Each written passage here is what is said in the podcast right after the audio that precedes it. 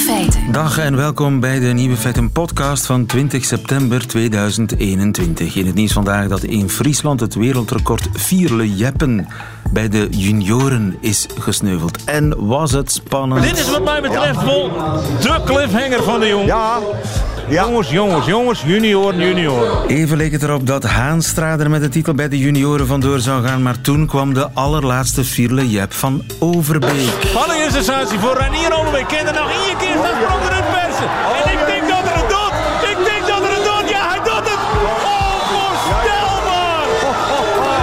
De ontknoping van het jaar in de allerlaatste vierle jep brak Reinier Overbeek uit Benschop het wereldrecord met 21 meter en 22 centimeter. Maar wat is vierle jeppen?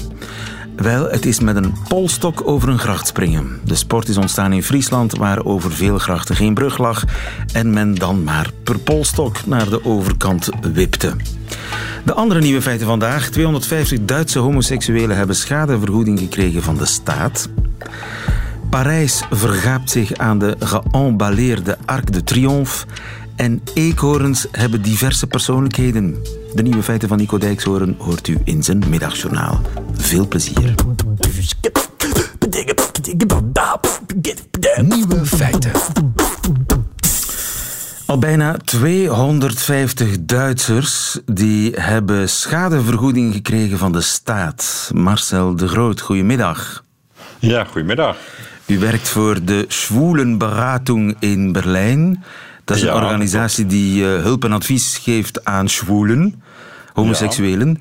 Ehm, wat heeft de Duitse staat die 250 mensen misdaan? Ja, die heeft die mensen veroordeeld op, eh, vanwege seksuele handelingen met iemand van hetzelfde geslacht. Een beetje moeilijk uitgedrukt. Dus als mannen met mannen seks hadden, stond dat lange jaren in het wetboek van strafrecht en konden ze ook vervolgd worden. En een gedeelte van die mensen is dus ook vervolgd worden en zat ofwel in de gevangenis of werd veroordeeld. Dus mannenseks was strafbaar in Duitsland. Ja. Tot wanneer? Ja, dat, was, eigenlijk strafbaar van 1872 tot 1994, dus echt enorm lang. 94, dat is eergisteren. Ja, dat is eergisteren. Het is ook, eh, nog niet zo lang is het niet meer strafbaar. Er werden wel weinig, vrij, sinds 1970 en 1969 volgde een eerste ehm, eh, ja, zeg maar verlichting van die strafrecht. Dus er werd niet zoveel, meer, niet zoveel mannen werden meer veroordeeld. Tot, vanaf 1970 tot 1994 ongeveer 4.500 werden veroordeeld. En bijvoorbeeld van 1950 tot 1969 54.000. 54.000 in de jaren 50 en 60. Ja, ja En- dat is... Sommige daarvan zijn nog in leven. Een heleboel, neem ik aan. Ja, er zijn, er zijn, nog, een hoop in, er zijn nog een hoop in leven. En ehm, het, het schijnde is voor ouderen. Laat ik zeggen, het stond onder de tijd van de. Tijdens de Tweede Wereldoorlog werd die paragraaf nog verscherpt. Omdat ook de eh, homoseksuelen als, als doelgroep zeg maar, van de nazi's was om eh, die te eh, vernietigen. Dus die werden ook naar concentratiekampen gestuurd. Maar in tegenstelling tot veel andere eh, vervolgingen tijdens de Tweede Wereldoorlog werden die tegen homoseksuele mannen niet opgeheven. Dus Dat is wel vreemd, hè?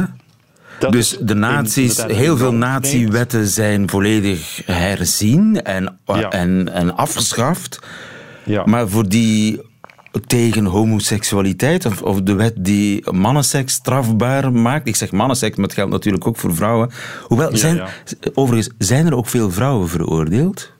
Nee, er zijn veel minder vrouwen veroordeeld. Die zijn er dus wel. Het was op het begin was het niet zo duidelijk, moet ik zeggen. En ik heb zelf nog een beetje gekeken. Die zijn er wel, maar het is veel minder dan mannen. Tenminste, wat bekend Het is. doelwit was echt de mannen en hun seks die ze onderling Ja. hadden. Dat, dat was een, een doorn in het oog van de naties. En wat ik dus eh, wou vragen eigenlijk... Je zou denken dat in één beweging ook die anti-homo-wet zou worden geschrapt. Maar dat is niet gebeurd. Nee, dat is niet gebeurd. En dit is natuurlijk een interessante ontwikkeling. Ik denk, dat heeft natuurlijk te maken... Een wet tegen seksuele handelingen gaat over seksualiteit. Ook. En veel mannen, veel hetero mannen, en zeker in Duitsland zou ik zeggen, maar overal anders is onze ervaring, die moeten niet zoveel hebben van, uh, van mannelijke homoseksualiteit. Dat is, dat is een, een, een doorn in hun oog, moet je zeggen. Bij vrouwelijke homoseksualiteit is het een beetje anders. Dat vinden ze eerder nog, zeg maar, veel mannen vinden dat nog uh, het idee interessant of prikkelend. Bij twee mannen vinden ze het, is het vaak met afschuw gepaard. Bedreigend. Het is bedreigend, ja. Het is voor hetero mannen vaak bedreigend, zo moet je het zeggen. Ja. Maar in Nederland en in België was er op dat moment al geen verbod meer. Onder invloed, denk ik, van de Code Napoleon. Dat zou kunnen. Ja, het, het, het is in, in, Duitsland is het, ik vind het ook inderdaad uh, verbazingwekkend. Was dus, dat wist ik dus ook niet toen ik naar Duitsland kwam. Ik woonde al twintig jaar, dus toen was het nog, nog niet eens afgeschaft, zie ik nu. Ja? nee, het was wel, het was bijna. Het was Heb jij illegale dingen gedaan, Marcel? Ja, ik, ja, is ook. Dus ik ben gelukkig ben ik door het oog van de naad geklopen, gekropen. en ben niet betrapt. Maar het, je merkt dat het op vele oudere homomannen... waarmee we vrij veel te maken hebben... heeft het een enorme uh, invloed op hun leven gehad. Niet alleen het feit dat ze veroordeeld konden worden... maar vooral de vrees, je kon veroordeeld worden... dat was iets wat heel erg eh, leefde in de maatschappij. Dus in de, of tenminste in de maatschappij, in de homomaatschappij, zo moet ik het zeggen. En ik ken meerdere mannen, ook ouderen, die dan misschien niet veroordeeld zijn, maar wel waar hun, hun carrière, zeg maar, hun, hun, loopbaan, dus een heel andere wending heeft genomen, omdat ze dus niet werden bevorderd, omdat ze homoseksueel waren. En een gedeelte is dus inderdaad veroordeeld. En daarom zijn dus ook hun, hun laat ik zeggen, is hun leven en ook hun. Uh, hun beroepsleven is dus helemaal veranderd. Maar uh, werden mensen dan betrapt in flagrante delicto? Of hoe moet ik mij dat voorstellen? Ja, ook. En er was natuurlijk ook wel graag wat mensen, misschien veel mensen ook wel graag doen, dat ze gaan klikken en dat ze zeggen van ja, die heeft wat, uh, die heeft wat met die andere man gedaan. En ook, dus waren natuurlijk overal, net zoals in Nederland en België en ook in Duitsland, lokale, dus clubs en bars, waar dus homomannen elkaar uh, ontmoeten. En iedereen ook wist dat is een homobar. Dat werd dan. Ja misschien niet officieel, uh, laat ik zeggen, toen was er nog niet zo'n website. Het was misschien niet officieel bekend. Maar in de kringen van de homomannen was dat wel bekend. En, dus dan, dan waren er razzia's door de politie, ja, mensen precies, opgepakt. Ja. En vloog je dan de gevangenis in? Als je dus, als je dus uh, pech had, kon je dus ook in de gevangenis komen. Dan je eerst dus, ging je in voorarrest. En dan kon het zeggen van als je dus als ze iets konden nawijzen en zeggen van ja, je hebt dus echt seks met andere mannen gehad, dan kon je dus in de gevangenis komen. En dat was dus ook in Duitsland zie je een interessant uh, verschil ook, uh, heb ik nog gelezen. Bijvoorbeeld in Hamburg werden mensen veroordeeld of mannen en die moesten drie mark betalen als straf. En in Beieren uh, kwamen ze dus wel in de gevangenis. Okay. Dus er zit ook een verschil tussen Noord en Zuid al in Duitsland. Het hing een beetje van, van land tot land, of van deelstaat tot deelstaat ja. af. Ja, en, nu, en moet, ja. En met Beieren moet je natuurlijk weten, is natuurlijk de, de, de godsdienst speelt daar gewoon een grote rol. Die zijn vrijwel allemaal katholiek. Dus het was helemaal verboden. Ja. Jij werkt voor die, uh, hoe heet het ook alweer, Schwoelenberaad. Komen er, ja, komen er mensen ja. bij jou aankloppen, uh, mannen van een zekere leeftijd, die ja, nog in de gevangenis hebben gezeten? Komen die bij u aankloppen?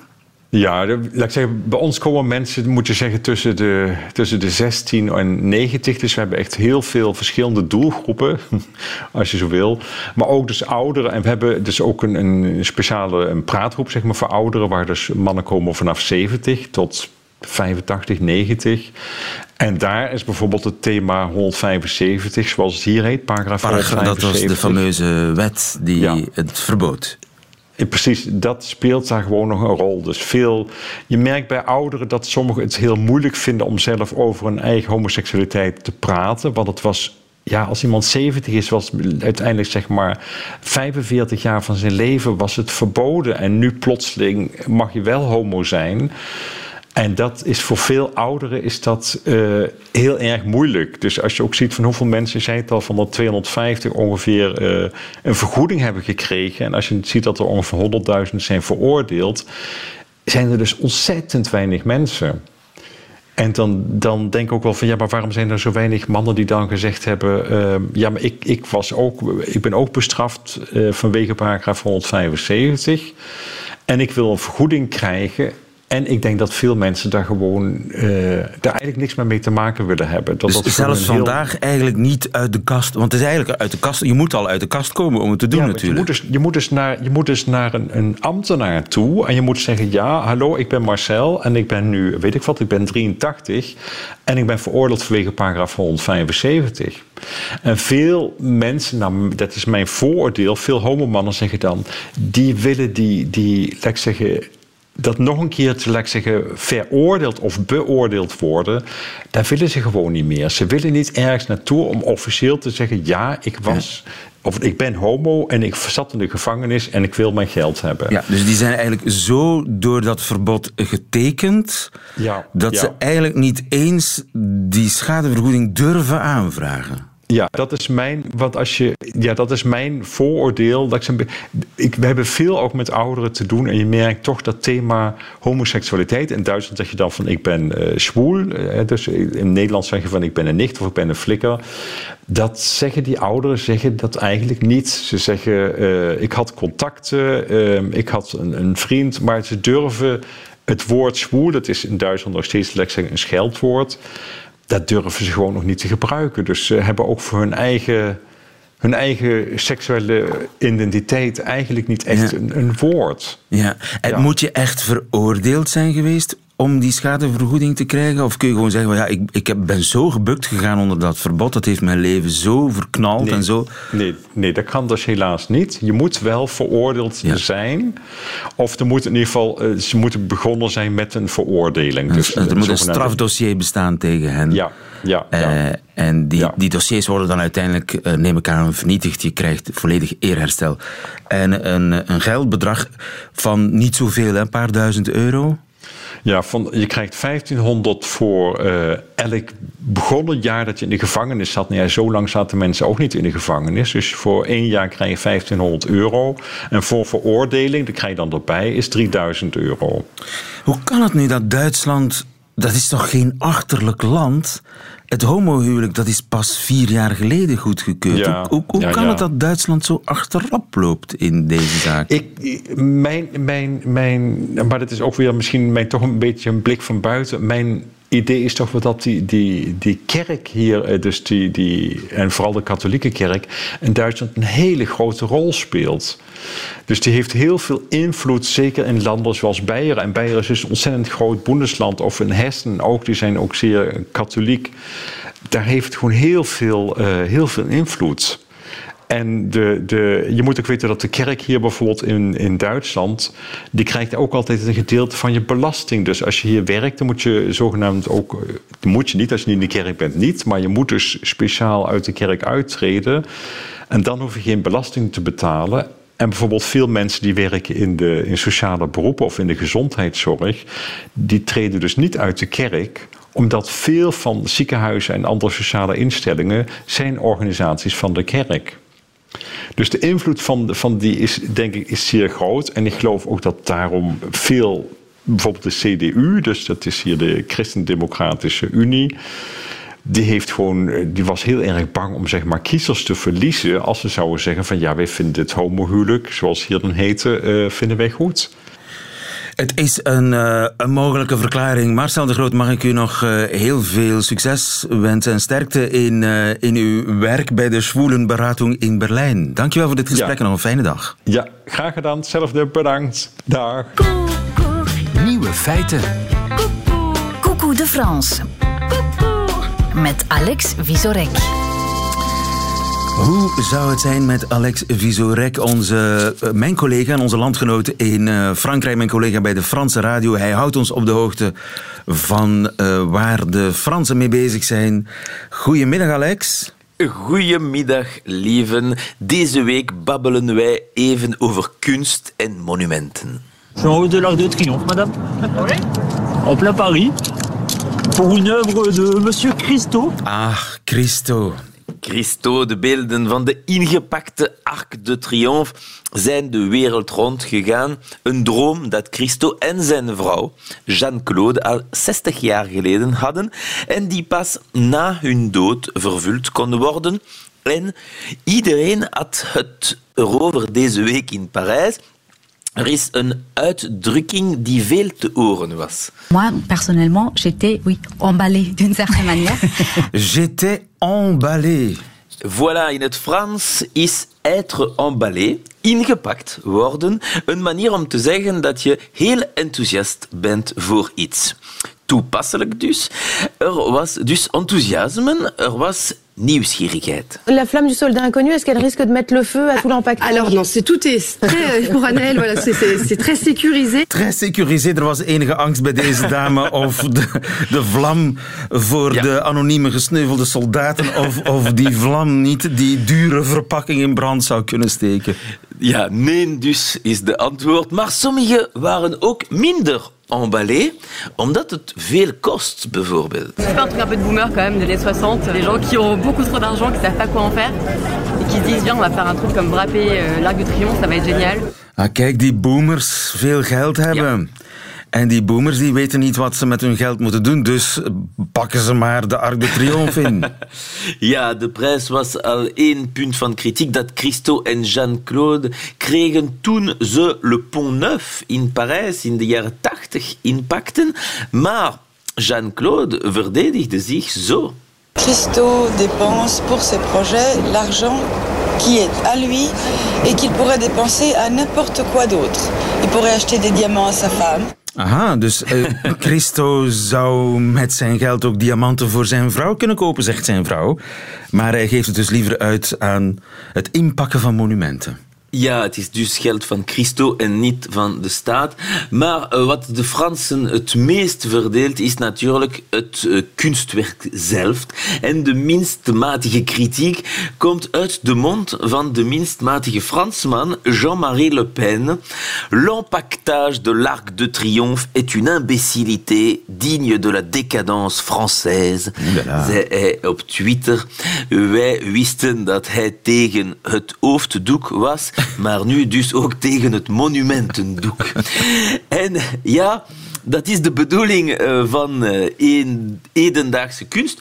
Nooit iets ongevoelig laten, debat veroorzaken. En dat lukt zeker elke keer dat hedendaagse kunst een plaats tussen de monumenten van Parijs krijgt. Zo was er, zat toen, het plein voor de Palais Royal in Parijs versierd werd met Les Colonnes de Buren, van de artiest Buren. Een eh, tweehonderdtal afgeknopte pijlers met zwarte en witte streepjes. Dat zorgde voor verwarring. Mais moi, je ne comprends pas. On fait des bites d'amarrage comme ça. On va pas amarrer des chalands, là. Je ne comprends pas. De biet d'amarrage, eh, aanlegpalen, aanmeerpaaltjes op een plein. Je- je- Hier komen hier toch geen boten? Ja, dat zei die gast. Eh, dit zorgde toen voor veel herrie en eh, kunstwerk dat eh, het Koninklijk Paleis zou ontsieren. Ook al kwam het kunstwerk in de plaats van een parking. Maar het was te lelijk, vonden de Parisiens. Lelijk vonden ze ook Le Bouquet de Tulipe, een kunstwerk van Jeff Koons, om de aanslagen van Le Bataclan eh, te herdenken. Koons moest zijn werk opnieuw maken. En soms komt ook polemiek door wat het kunstwerk voorstelt. McCarthy was blij om zijn kunstwerk op de Place Vendôme te kunnen presenteren. Ça a la forme d'un cône sur un piédestal, ça a l'aspect d'une sorte de sculpture abstraite. Et puis, ça représente un arbre de Noël. Et puis, cela a une forme qui rappelle aussi un sextoy. Ja, het is een soort abstracte structuur. Het is ook een beetje een kerstboom, maar het is ook, ja, een- we moeten daar eerlijk. Ja, dat was de perfecte vertaling. Het was dus drie, vier jaar geleden op La Place Vendôme. En ik, eh, dus laat je niet meer raden eh, welke van de twee interpretaties de ESA kwam. Eén Eh, dag later werd het kunstwerk vernietigd door een boos publiek. Hetzelfde voor Dirty Corner van Anish Kapoor in de tuinen van Versailles. Ook bekend, die kunstwerk, als de vagina van de koningin, le vagin de la reine. En deze provocatie ging te ver voor sommigen. Het kunstwerk werd beklad met royalistische en antisemitische graffitis.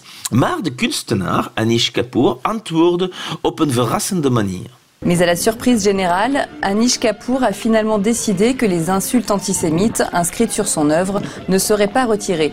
Il a déclaré qu'elles faisaient désormais partie d'elle. Oké, dus die graffitis moeten erop blijven staan, want ze maken deel uit vanaf nu van het kunstwerk. Ja, maar als je nog verder in het verleden zoekt, zie je dat disputen van alle tijden zijn. Quand on a fait la Tour Eiffel avec ses, ses jambes largement écartées, il y, a, il y a des maboules encore réactionnaires, obscurantistes, qui ont dit c'est un scandale, c'est une provocation sexuelle, il faut la faire sauter. Des maboules obscurantistes. Zelfs de Eiffeltoren werd gezien door die maboule obscurantisten als een seksuele provocatie. Ja, van ver kan je het zien als een mannelijke orgaan of van dichtbij als een vrouw met gespreide benen. Maar vooral Parijzenaars vonden dat toen lelijk en wachten tot het ontmanteld zou worden. Pas de chance. L'Arc de Triomphe door Christo zal zeker geen seksuele provocatie veroorzaken. Eh, Integendeel, het is uh, proper aangekleed. maar de Parisiens blijven erover debatteren en aarzel dan ook niet lieven om naar hier te komen en je eigen mening te ventileren. Ik kom af, Alex. Tot straks. zeker.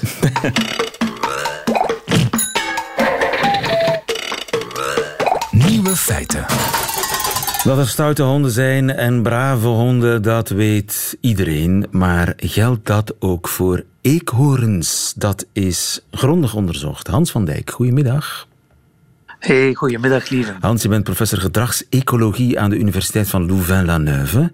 En het zijn collega's van u in Amerika die het karakter van de eekhoorn hebben onderzocht. En ik bedoel daarmee niet van de eekhoorn in het algemeen, maar van individuele eekhoorns. Ja, en niet zomaar een eekhoorn, lieve, maar de grondeekhoorn. En om nog wat preciezer te zijn, de goudmantelgrondeekhoorn. En waarom? Je moet... Oei. En daar gaat Hans al. Maar geen probleem, wij zijn heel snel in het bellen. Hans, je bent er toch? Hallo? Ja, Hans? Ja, ja, hallo. Ah, ja, Hans, Ja. ik was je kwijt. En het was net zo Ja, spannend over, over die eekhoorn. Maar dus niet alle eekhoorns zijn even schuw of lief of moedig of sociaal. Ja, precies. Van honden, zoals je aangaf, weten we dat. Hè, dat de ene hond de andere niet is. Maar die grondeekhoorns die zijn ze gaan bestuderen in de Rocky Mountains, in, in graslanden op bergen. En dan is men die gaan bekijken. Men heeft die gaan merken eerst. Want voor ons lijkt de ene eekhoorn, als die daar door het gras huppelt, wel de andere. Ze doen die dan merktekens in de oren, zoals je wel al eens gezien hebt bij een kalfje of een koe. Zodat je meteen kan zien, kijk, dat is 007 of dat is 425. Zodat je elk individu kan volgen. En dan heeft men niet alleen gaan observeren van hebben ze een groot plekje dat ze verdedigen en gebruiken of net een klein. Dat is één ding belangrijk om te weten. Dus zeg maar hoe ze de ruimte gebruiken in omgeving. Maar ze zijn dan een hele batterij testen gaan doen om hun karakter, hun persoonlijkheid te kunnen kwantificeren. Dat lijkt mij heel ingewikkeld. Hoe test je de persoonlijkheid van een grondeekhoorn? Ja, ja, ja. Dat kan je moeilijk aan een interview. Dat werkt zo niet. Hè. Dus je moet heel creatief zijn. En ze hebben een test of vier op de individuele diertjes losgelaten. Niet eenmaal, want je moet dat herhaaldelijk doen om te kijken als ze bijvoorbeeld agressief zijn. Dat is geen één keer agressief. Je wil zien of ze telkens agressief zijn. Dat is net persoonlijkheid, je karakter. En bijvoorbeeld wat ze dan hebben gedaan, ze hadden een soort plooibare arena, een soort opvalbare doos, die ze in die weilanden konden zetten. En dan laten ze die diertjes daarin om te kijken, zijn ze heel exploratief? Gaan ze meteen op zoek van wat is er in die arena te vinden? Of blijven ze, een beetje bij wijze van spreken, in een schulp zitten, in een hoekje? Zijn ze heel actief of niet? Zijn ze heel agressief of eerder sociaal? En dat doen ze bijvoorbeeld met een spiegel aan te bieden. Een spiegel? Anders dan wij. Ja, als je, sommige dieren, dus wij herkennen vanaf twee, drie jaar, zien we in een spiegel onszelf. Sommige dieren lukken daar ook in. Denk aan eksters of dolfijnen, olifanten, die herkennen zichzelf. Maar de meeste dieren niet. En denken dan dat ze een soortgenootje tegenkomen. En door die spiegel in, dan die, uh, in dat hok aan te bieden, kunnen ze zien hoe reageren ze op een soortgenootje. Gaan ze meteen aanvallen of zijn ze toch wat vriendelijker? En dat, dan krijgen ze scores voor al die... Uh, ja, dus als ze hun eigen spiegelbeeld beginnen aan te vallen, wordt er een streep gezet. Deze eekhoorn is een agressieve jongen. Ja, dat is een uh, agressief baasje. Dus die scoort dan heel hoog op het kenmerk agressiviteit. Maar er zijn ook nog andere. Bijvoorbeeld als je als onderzoeker een, een eekhoorntje tracht te benaderen, op welke afstand gaat hij of zij meteen vluchten?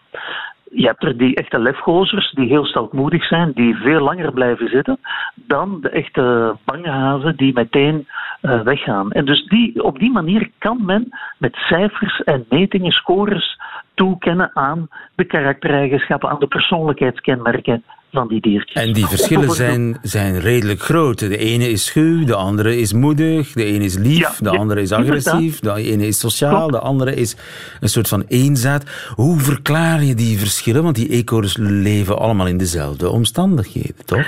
Ja, ze leven in dezelfde omstandigheden en ze verschillen in die uh, verschillende persoonlijkheidskenmerken. Sommige hangen samen. Bijvoorbeeld degenen die meer actief zijn, zijn ook meer sociaal. Maar voor de andere kenmerken zijn dat als het ware losse kenmerken die niet meteen geclusterd zijn. Wat voor biologen daar zo interessant aan is, om te kijken waarom is er niet één type, waarom is er niet één karaktertype, namelijk agressief, en ze zijn allemaal agressief, want agressiviteit in een natuur is vaak nuttig. Waarom zijn er überhaupt ook eekhoorns in dit geval die minder agressief zijn? En wat we daaraan zien is dat ze eigenlijk en daarom is deze studie wel interessant. Ze gebruiken die omgeving op een andere manier. En sommige jaren is het heel voordelig om erg agressief te zijn, maar andere jaren kan je best in een klein hoekje weinig opvallend zitten en kom je dan beter aan je trekken, heb je meer voortplantingssucces. Dus in omgevingen waar het nooit helemaal duidelijk is wat de enige echte optimale strategie is, zien we verschillende persoonlijkheden naast elkaar voorkomen. Dus variatie, diversiteit lijkt een proef bij, bij de grondeekhoorns, maar bij vele andere dieren ook hoor. Eh, want niet alleen eekhoorns hebben karakters, hebben alle dieren een persoonlijkheid? Ik vraag me dat soms af als ik zo'n vis in een bokaal zie zwemmen. Heeft die een persoonlijkheid? Uh, bij vissen wordt er ook heel wat persoonlijkheidsonderzoek gedaan. En hier moeten we opnieuw weer, want mensen denken dan van ja, maar de biologen projecteren menselijke kenmerken op dieren. Dat is niet zo. Uh, maar je mag niet vergeten, ook wij zijn natuurlijk, zij een bijzonder exemplaar, maar ook wij zijn dieren.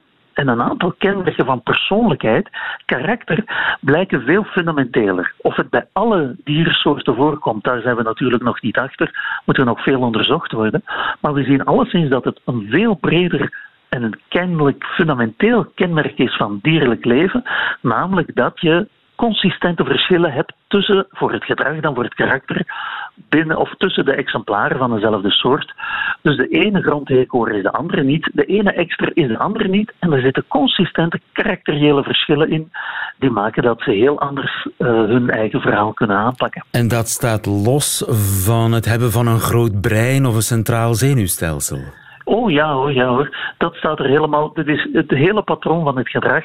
En het kan bijvoorbeeld zijn, dus dat hangt, als je echt gaat inzoomen in die dieren, hè, bijvoorbeeld hormonengehaltes, hoe snel hun stofwisseling is, de hele chemische biomechanica, zeg maar, de hele mechaniek van het diertje intern kan anders zijn en maken dat de ene sneller reageert, agressiever reageert, veel actiever is. Zijn energie, zijn stofwisseling, energiemetabolisme kan veel sneller gaan, de andere is chill, kalm. Ja, En die variatie zien we overal opduiken. Niet alle eekhoorns zijn even chill. Dankjewel Hans van Dijk voor dit uh, boeiende gesprek en nog een fijne dag verder. Graag gedaan, lieve. Dat waren de nieuwe feiten van 20 september 2021. Alleen nog die van Nico Dijkshoorn krijgt u in zijn middagjournaal. Nieuwe feiten. Middagjournaal. Beste luisteraars. Dit weekend was ik in het Stedelijk Museum te Amsterdam. Het was fijn om weer eens een keer langs schilderijen, beelden en installaties te wandelen. En ik deed eindelijk weer eens een keer wat ik het allerliefst doe: naar het werk kijken en dan raden welke titels en welke tekst er op het witte kaartje vlak naast het kunstwerk staan. Ik keek naar een ronddraaiende metalen constructie. Soms kwam die piepend en knarsend tot stilstand. Je hoorde een hard schrapend geluid. Er was een lichte trilling en daar ging hij weer. Of zij, weet ik veel, wat maakt het uit. Bij dit kunstwerk dacht ik dat de titel was Leipzig a go-go. En qua korte uitleg dacht ik aan Günther Fieber zette met Leipzig a go-go een voorzichtige eerste stap naar de totale ontmanteling van de industriële revolutie. Dit werk kan worden gezien als een voorstudie. Een maand later maakte hij zijn beroemde werk Genau Genau Dreimal Genau.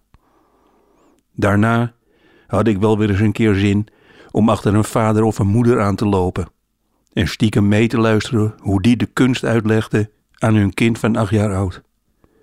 Prachtige verhalen zijn dat. Het is vaak het contrast tussen het kunstwerk en die rare kinderlijke toon die mij heel erg gelukkig maakt. Zet een vader of een moeder met een kind onder de tien jaar oud voor een schilderij van Picasso en dan krijg je dit. Wat een rare gitaar heeft die meneer. Zie je dat? Wat een gekke gitaar, hè? En kijk zijn gezicht nou eens. Hoeveel ogen heeft die meneer met die malle gitaar? Nou, tel maar, tel maar. Heel goed. Drie ogen. En hoeveel ogen heb jij? Twee? Ja. En dat is dus het leuke van kunst. Dat je opeens drie ogen hebt. Alles mag in kunst. Alles wat je thuis niet mag. En alles wat ze je op school leren. Dat kan je meteen weer vergeten als je schildert. Je mag schilderen wat je in je eigen hoofd allemaal bedenkt. Leuk hè? Het enige is, je verdient er meestal helemaal niks aan. Daarna ben ik naar de museumshop gelopen. En ik heb Mondriaan onderzetters gekocht. En een Dali theepotje met een gesmolten lepel. En een ansichtkaart natuurlijk. Die stuur ik naar mijn zoon van 26 jaar oud. Ik schrijf achter op de kaart: Kijk eens, jongen, een vrouw met drie tieten. Maar je mag er zelf natuurlijk iets heel anders in zien.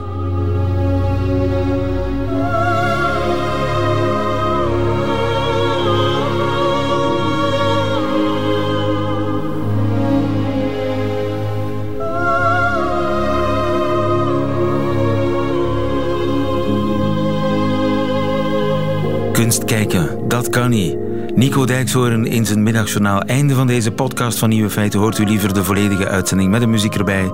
Dat kan natuurlijk ook via radio1.be of via de Radio 1 app. Tot een volgende keer.